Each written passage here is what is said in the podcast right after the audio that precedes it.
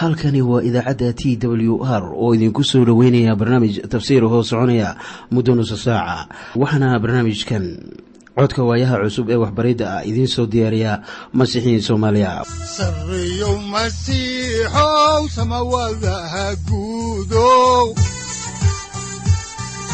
Siraadkii adduunkow subanaha eebow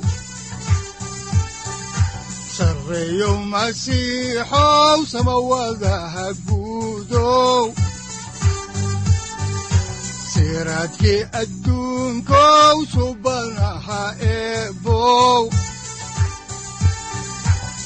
adigoo samada jiro ku soo dhowaada dhegaystayaal barnaamijkeenna dhammaantiinba waxaannu dhexda kaga jiraa taxanaheennii ahaa dhexmarka kitaabka quduuska. Waxaannu caaway idiin bilaabi doonnaa cutubka toddobiyo tobanaad ee kitaabkii saddexaad ee muuse oo loo yaqaano laawiyiinta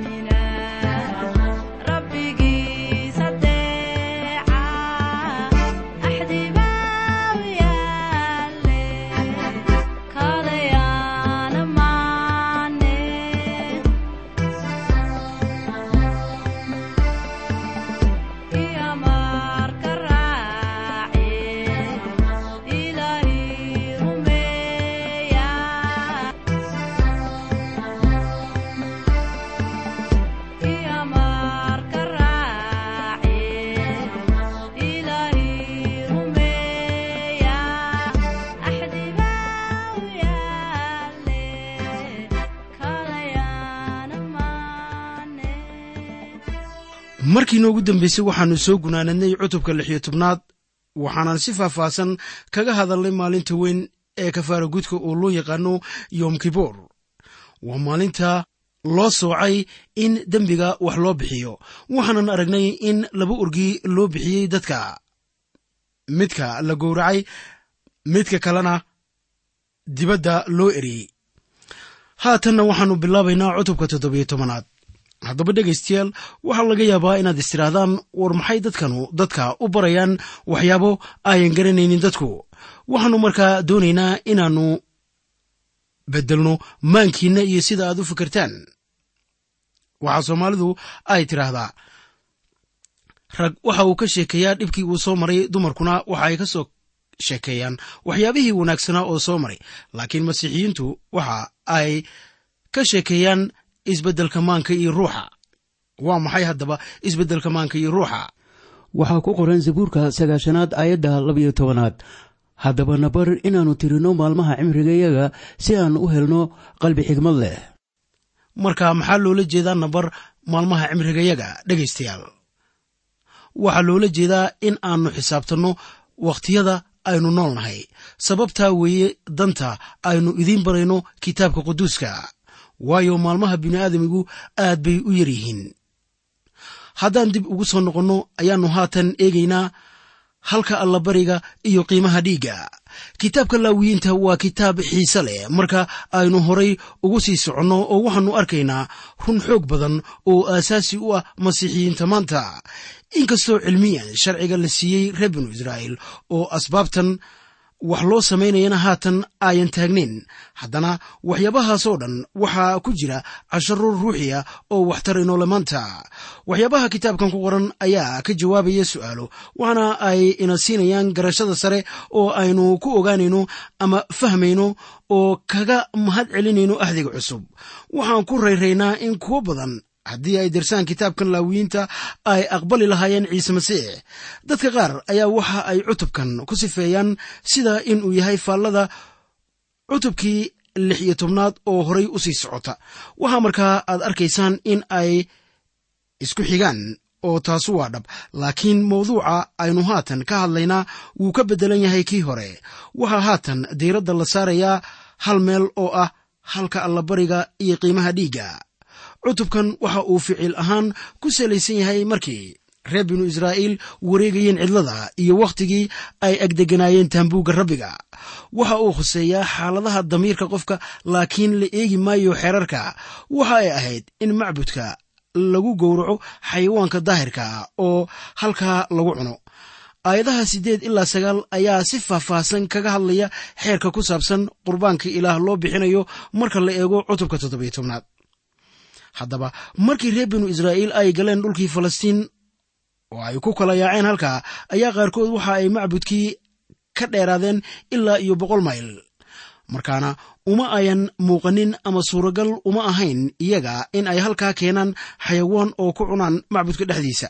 Markaana kitaabka shanaad ee muuse oo loo yaqaano sharciga ku noqoshadiisa ayaa ilaah dib ugu noqday sharcigaas waxase ay ahayd markii ay diyaar u noqdeen in ay galaan dhulka.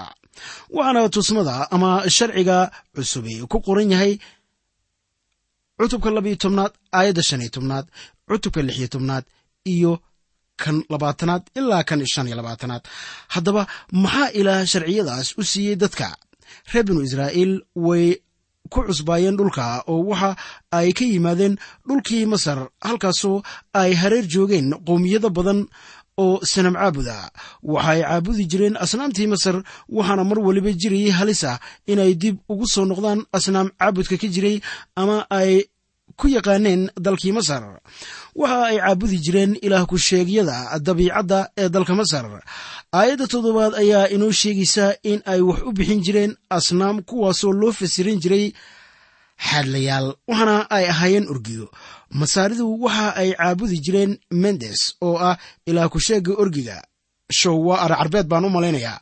Welibana giriigtu waxay caabudi jireen ilaah ku-sheegga orgiga oo ay u yaqaaneen ban sababtaas aawadeed ayaannu halkan ku arkaynaa in reer binu israa'iil laga xaaraantimeeyey in ay xoolaha ku gowracaan meel ka baxsan macbudka si bal looga gaashaanto in ay wax u bixiyaan ilaah ku-sheegga orgiga waxaan kaloo arkaynaa in dadka loo diiday in ay dhiigga cabbaan sababtuna waxa weeye in dhiigga u taagan yahay nolosha. Laba asbaab bay leedahay mamnuucidda dhiigga. Waa tan koowaade in dhiiggu yahay nolosha. Waa waxaan ciyaar gelin. Welibana la dooni maayo in xayawaanka la gowraco iyadoo ayan baahi weyni jirin. Waa tan labaade dhiigga ayaa ka hadlaya allabarigii masiixa. Waxa uu u taagan yahay qurbaan calaamadda dib u heshiisiinta iyo nooca gelaya booskeenna ee ah allabariga masiixa. Haddaba dhegaystayaal noloshu qiimi weyn bay ka leedahay ilaah hortii oo ay tahay in la ilaaliyo. Laakiin masiixa waxay ahayd inuu naftiisa bixiyo. Sidee buu dembiiluhu u noolaanayaa haddaanu masiixa naftiisa bixin? Haddaan markii ugu horreysay idin bilowno xigashada kitaabka ayaannu haatan eegaynaa cutubka toddobiyo tobnaad aayadaha kow ilaa labo waxaana qoran sida tan.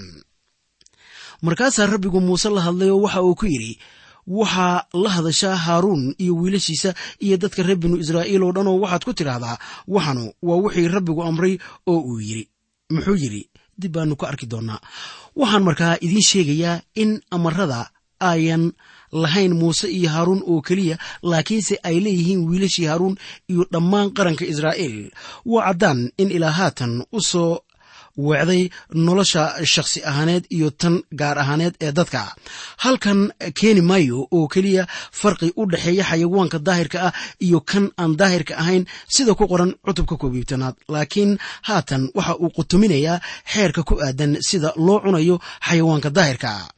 Nolosha dadkiisa waa in ay ka duwanaato tan qurumaha karaahiyada ah ee ku wareegsan iyaga waxaa lagu sheegayaa mar kale cutubka xiga sida aynu ku arki doonno kitaabka laawiyiinta cutubka siddeed iyo tobnaad aayadda saddexaad.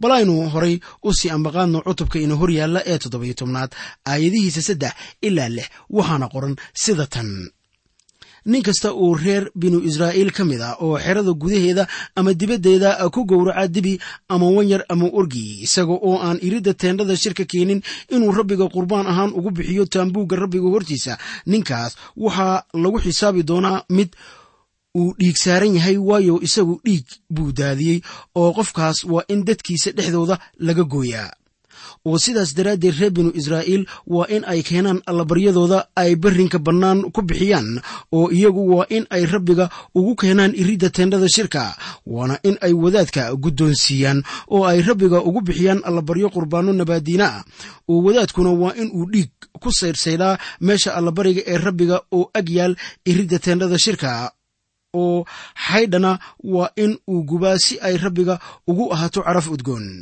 waxaan garanayaa in kuwanu yihiin sharciyo yaab leh mana khuseeyaan qurbaanka caadada u ah reer binu israa'iil. Markii aad si taxadar leh u eegto waxaad ogaanaysaa in xayawaankaas ay cunno u ahaayeen dadkii ilaah. Markaad dhanka kale ka eegto ilaah waxa uu dalbanayey in ay cunnadooda soo saaraan miiskiisa. Marka ay sidan yeelaan ayaa albaabka laga xiranayaa ilaah ku-sheegyada qalaad waxaa laga yaabaa in aad isweydiisaan. Waxa ilaah sharciyadaas ad adag ugu soo dejiyey dadkiisa. Haddii ay doonayaan hilib ay cunaan waa in ay keenaan iridda teendhada shirka oo halkaas ku gowracaan. Laga yaabo in qaarkood ayan doonayn in deriskoodu ogaado in dad kale u yimi. Si kastoo ay tahayba waxa ay u ahayd in ay neefka ku gowracaan iridda teendhada shirka wax caadiya waxaana taasi loo yeelay taariikhdoodii hore ee sanaam caabudka aawadeed haddaba qofku waxa uu u baahan yahay inuu garto. Waxa keenay in reer binu israa'iil ayan cunin hilib aan xalaal ahayn ama ayan ogeyn halkii lagu qalay. Markaasoo keliya ayuu qofku garan karaa wixii bawlos kala hadlayey reer korintos. Markaan eegno warqaddiisii koowaad cutubka sideedaad aayadaha hal ilaa saddex iyo toban iyo cutubka tobnaad aayadaha hal ilaa saddex iyo soddon dadkii reer korintos waxay ahaayeen sanam caabudayaal oo sanamyada ayaa ay u bixin jireen qurbaan. Xoolihii waxaa loo geynayaa macbudyada asnaamta. Halkaas baa looga soo tegayaa. Markaasaa hilibkii loo bixiyey asnaamta lagu iibinayaa isla meeshii lagu bixiyey. Hilibka ugu wanaagsan baryahaas waxaa lagu iibin jiray macbudyada qolooyinka karaahiyada ah oo halkaa baa macdaar u ahayd haddaba wakhtiyada ahdiga cusub reer binu israa'iil aad bay u callimeen oo waxa ay didi jireen in ay xitaa iibsadaan hilbihii asnaamta loo bixiyey. Masiixiyiintii qaramada wax dhib ah uma ayan arkaynin in ay cunaan hilbaha loo sadaqeeyey asnaamta iyagoo u arkayey in sanamku uusan waxba ahayn maadaama ay haatan masiixiyiin yihiin. Cutubka ama cutubkan kitaabka laawiyiinta sidaad arkayso wuxuu ina siinayaa taariikhda ka dambaysa qidcada ku qoran warqaddii koowaad ee rasuul bawlos u qoray dadkii korintos. Waxaa kaloo xiise leh in maanka lagu hayo markii guddiga reer yeruusaalem ee masiixiyiinta ahaa ay go'aan ka gaareen waxyaabaha aan daahirka ahayn ee masiixiyiinta kale cunayaan. In rasuul yacquub uu ahaa afhayoonkooda waxaana uu yidhi sida ku qoran falimaha rasuullada cutubka shan iyo tobnaad aayadaha sagaal iyo toban ilaa labaatan waxaana uu yidhi. Sidaasi daraaddeed taladaydu waxa ay tahay inaynan dhibin kuwa ka mid a dadka aan yuhuudda ahayn oo ilaah u jeestay laakiin inaynu u qorno iyagii in ay ka fogaadaan wasakhnimada sanamyada iyo zinada iyo waxa la ceejiyo iyo dhiigga haddaba xayawaanka daahirka ah ee ay tahay in la cuno waxay ahayd in ay ku bixiyaan teendhada shirka iriddeeda dhiigga waa laga hoorinayaa oo waxaa la dhigayaa halka allabariga oo xaydhana waxaa loo bixinayaa sida caraf udgoon. Qurbaankaasna waa kan nabaadiinada haddaba inta ka soo harta neefka waxaa la siinayaa kii keensaday oo isaga cunno ka dhiganaya. Sow haatan arki maysid waxa yuhuuddii masiixiyiinta ahaa kaga cadhoodeen quruumihii kale ee cunayey hilbaha laga keeno ama la soo iibiyo ama laga soo iibiyo macbuudyada ee loo bixiyey asnaamta. Iminkana waxaynu soo gaarnay maaddada ah dembiga firqooyinka riyaha caabuda dusha laga saarayo. Haddaan horay. Idinku sii ambaqaadno walaalayaal kitaabka ayaa waxaa ku qoran laawiyiinta. Waa kitaabkii saddexaad ee muuse oo loo yaqaano laawiyiinta ee cutubkiisa toddobiyo tobnaad aayadda toddobaad sida tan. Oo iyagu waa in ayan mar dambe allabaryadooda u bixinin orgiyo ay caabudaan sida naagu ninkeeda uga dhilowdo kaasu qaynuun weligiis ah buu abka ab u ahaan doonaa iyaga haddaba taasu waxa ay ka hadlaysaa kuwa dabiicadda caabuda ee aynu horay idiinku soo sheegnay waxaana ay ahaayeen kuwa caabuda orgiyada. Ilaa waxa uu ku leeyahay dadkiisa miyaydnaan sidaas yeelin. Waa in aad keentaan neefka iridda teendhada shirka. Taasina waa sababta ciqaab weyn loo saaray qofka aan sidaas yeelin sida ku qoran aayadda afraad. Sharcigaas tafatiran. Waa in la beddelaa markii ay dhulka galaan laakiin qaynuunka halkan lagu qoray waxa uu ahaanayaa mid abadana. Markaana taasu ahmiyad weyn bay inoo leedahay inaan maanta aragno. Waxa ay dadka ku nool yihiin khatarta in ay ku noqdaan sanam caabud iyo damiir xumo zaa'ida oo haatan waxaan arkaynaa dadkii oo ku noqonaya caabudista waxyaabaha dabiiciga. Saaxiib waxyaabaha aynu maanta arkayno ee ah in dadku ku noolaanayaan noloshii xumayd ee hore ayaa noqonaysa in ay ku noqonayaan asnaam caabud ilaa waxa uu doonayaa in uu dadka daafaco oo uu ka ilaaliyo damiir xumada jirta iyo asnaam caabudka bal iminkana aynu eegno maaddada kale ee ah qurbaanka taambuugga haddaan horay u sii ambaqaadno kitaabka ayaannu eegaynaa aayadaha siddeed ilaa sagaal ee cutubka toddobiyo tobanaad. Waxaana qoran sida tan oo waxaad iyaga ku tidhaahdaa nin kasta oo ka mid ah reer binu israa'iil ama shisheeyayaasha dhexdooda deggan oo bixiya qurbaan la gubo ama allabari isagoo aan keenin iridda teendhada shirka inuu rabbiga u bixiyo daraaddeed. Ninkaas waa in dadkiisa laga gooyaa. Ilaa waxa uu shaaca ka qaadayaa saaxiib xayawaanka ay cunnada u keensanayaan ama kan ay qurbaanka u keenayaan mid kasta ee uu yahayba waa in la keenaa iridda teendhada shirka. Ilaah u oggolaan maayo inay neefka keenaan teendhada shirka oo qurbaan ahaan u keenaan dabadeetana la noqdaan oo guriga ku cunaan. Haatan labadan aayadood wuxuu ka hadlayaa neefka loo keenayo qurbaanka gubniinka markii neefka loo bixiyo sida qurbaan oo kale waxay ahayd in ay u bixiyaan sida waafaqsan qurbaanka gubniinka. Waxaa la adkaynayaa waxa weeye inay jirto hal meel oo lagu allabaryo. Sayidkuna waxa uu ku noqonayaa xaalkan marar badan si uu uga jeediyo reer binu israa'iil asnaam caabudka waxaa kaloo sharciga khuseeya shisheeyaha iyo qariibka ku dhex nool reer binu israa'iil. Waxaa mar waliba jiraya khatar ah in kuwa ay la degan yihiin ee karaahiyada ah ay diintooda baraan wixii laga cabsi qabay waxa uu ahaa in ay qabatimaan habka qurumaha karaahiyada ah intii ay ilaah u iman lahaayeen. Waxaa laynagu waaninayaa haatan sida ku qoran warqaddii koowaad ee korintos cutubka tobnaad aayadda afariyo tobanaad sida tan.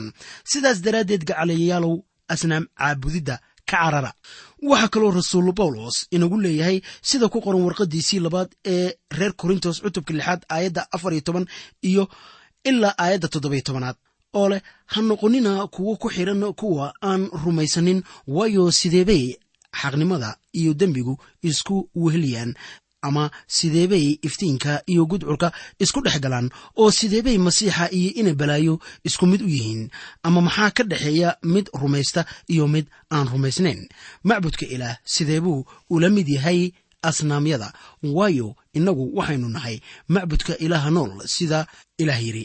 Iyaga waan dhex joogi doonaa waanan dhex socon doonaa. Ilaahoodaan ahaan doonaa oo iyaguna dadkaygay ahaan doonaan.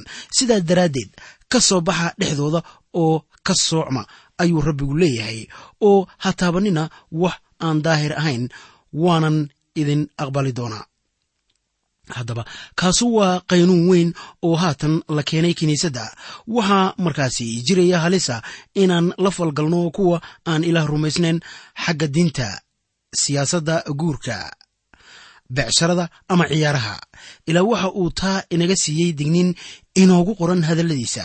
Haddaan intaa uga baxno faalladii gaabnayd ayaannu eegaynaa haatan maaddada ah waajibaadka ah inaan dhiigga la cunin. Haddaan halkaa ka sii amba qaadno kitaabka laawiyiinta cutubka toddobiyo tobnaad ayaa waxaa ku qoran aayadaha toban ilaa koob iyo toban sida tan nin alla ninkii ka mida reer binu israa'iil ama shisheeyaha dhexdooda deggan oo cuna cayn kasta oo dhiig ah.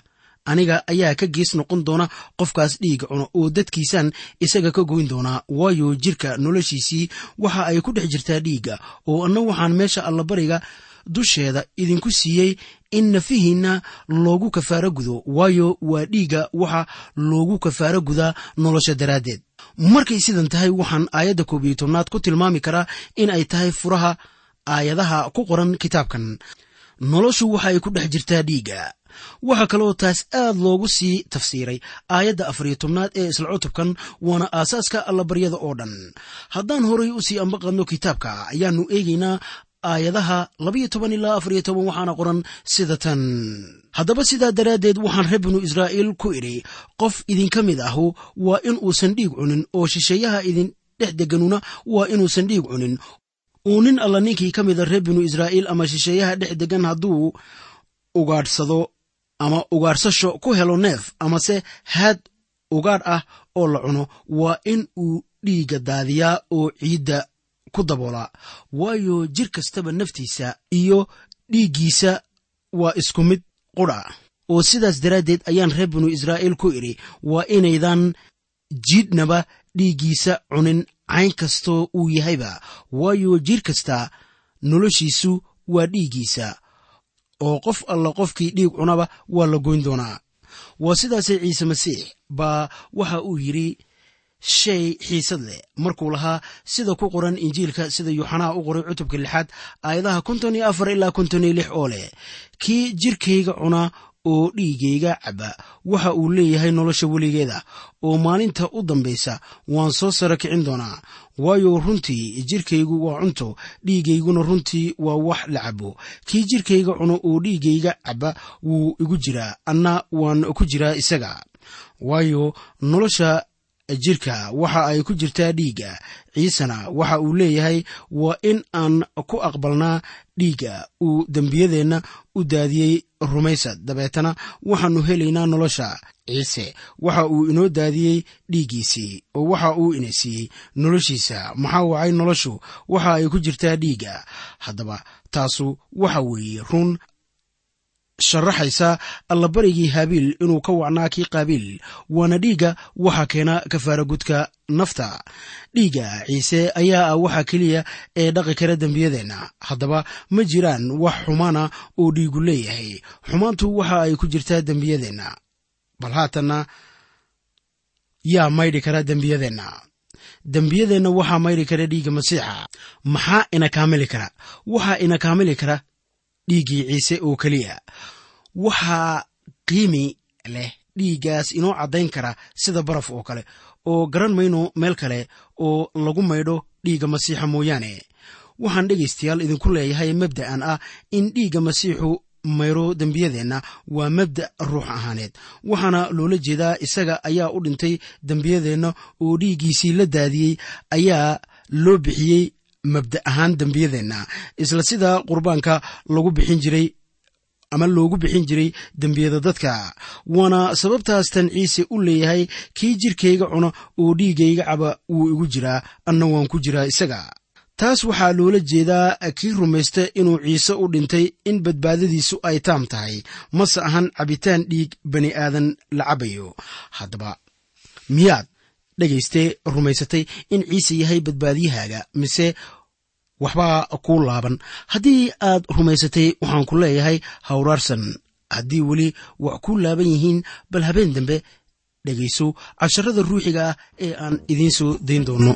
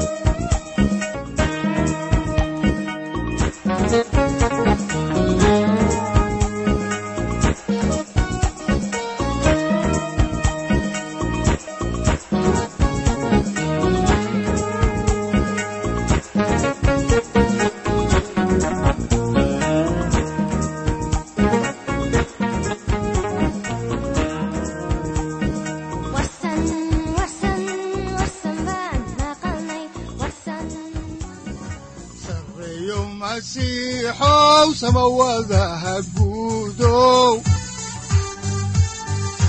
siraadkii adduunkow subanaha eebow adigoo samada jiro ifkan soo saldhiganba adigoo samada jiro ifkan soo saldhiganba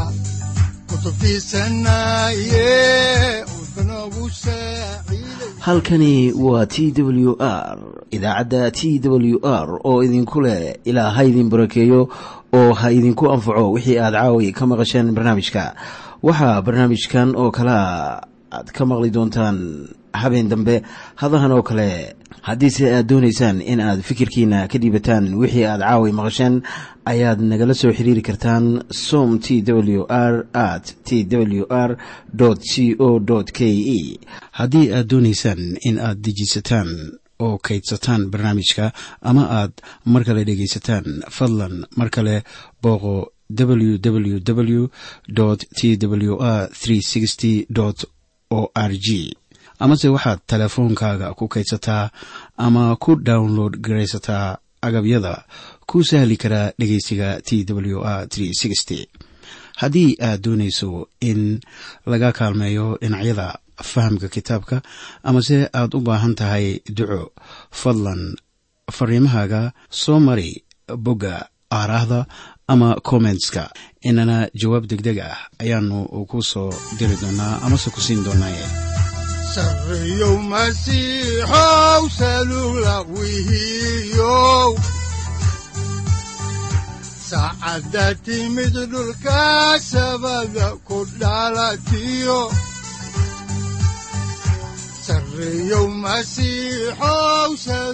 halkani waa t w r oo idiin rajaynaya habeen baraare iyo barwaaqaba leh inta aynu ka gaari doono wakhti aynu ku kulanno barnaamij la mida kan caawayay aad maqasheen. Waxa aan idinku leeyahay nabadda ciise masiix ha idinku badato xagga jidhka iyo ruuxaba. Aamiin